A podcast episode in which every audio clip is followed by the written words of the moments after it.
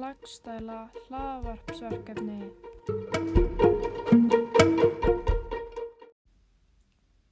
Sæll Kjartan, Bolli, hvað er þú að gera hér?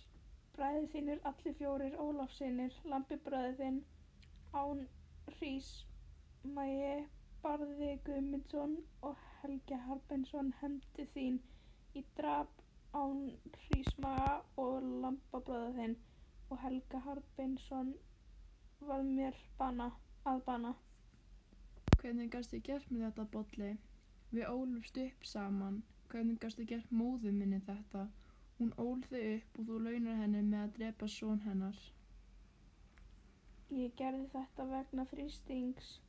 Guðrún sá mig sem auðla og ég vildi sanna fyrir henni að ég gæti eitthvað.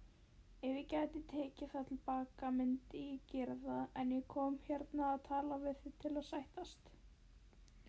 Þú gerðir eitt af því ófyrirgefanlegasta sem manneska getur gert og veittir mér banasári fyrir nóni dags í Svínadal með fótbít og er þetta eitt mesta nýjingsverk sem ég hef orðið vitna af.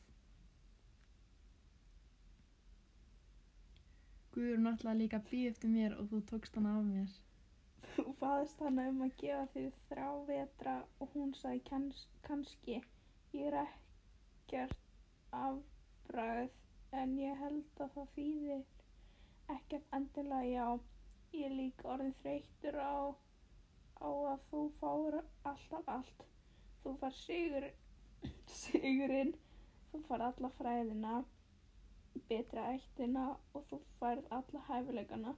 Ég vildi bara fá einn hlut sem aðeins ég ætti en ekki þú. Ég var ást, ég var samt ástfangin af henni. Ég kom tilbaka með tilhlökkunina að ég fengi að gifta Guðrún og í staðinn kom ég í brúðkaupi ykkar beggja. Æ, ég fyrirgefðu. Ég grátbið þig um fyrirgefningu. Þetta var allt spáðsamt og sama hvað hefði þetta alltaf gerst. Þriðji eiginmaðurinn átt að deyja í bardaga og verða hö höf höfðingjalegur.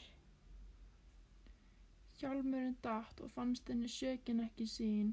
Þegar hún giftist Þorvaldi og Þórð þekkti hana ei, þannig að trublaði mig ekki.